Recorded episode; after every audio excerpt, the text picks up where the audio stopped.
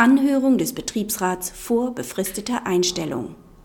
Die Unterrichtungspflicht des Arbeitgebers umfasst nicht mögliche Rechtfertigungsgründe für den Abschluss eines befristeten Arbeitsvertrags.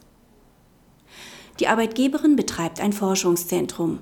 In der Vergangenheit unterrichtete sie den Betriebsrat bei befristeten Einstellungen stets über die Befristungsgründe. Diese Praxis stellt sie im Jahr 2006 ein. Daraufhin beantragt der Betriebsrat beim Arbeitsgericht die Feststellung einer entsprechenden Verpflichtung der Arbeitgeberin. Das BAG hält den Antrag für unbegründet. Ein Anspruch des Betriebsrats auf die Mitteilung von Befristungsgründen folgt nicht aus 99 Absatz 1 Beta VG. Das Mitbestimmungsrecht bei Einstellungen liegt vorwiegend im kollektiven Interesse der Belegschaft. Dafür ist von Bedeutung, ob ein Arbeitnehmer auf Dauer oder nur vorübergehend eingestellt werden soll. Das Mitbestimmungsrecht ist aber kein Instrument zur umfassenden Vertragsinhaltskontrolle. Der Betriebsrat kann daher die Verweigerung seiner Zustimmung nicht darauf stützen, dass eine im Arbeitsvertrag vereinbarte Befristung unwirksam sei.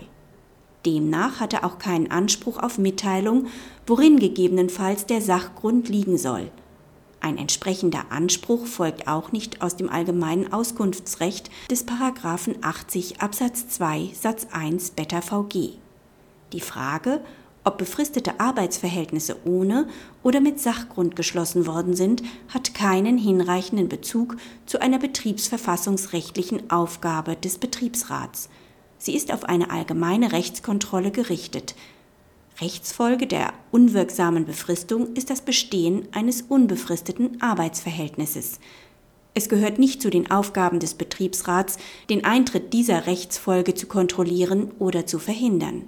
Der streitgegenständliche Anspruch ergibt sich auch nicht aus 92 Absatz 1 Beta VG.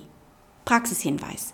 Die vom BAG vorgenommene Einschränkung des Informationsrechts des Betriebsrats ist sachgerecht.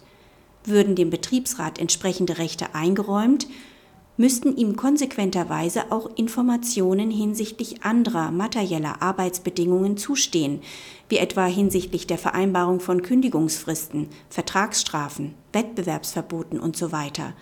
Die Kontrolle derartiger Vertragsbestandteile liegt außerhalb des Schutzzwecks der Betriebsverfassung.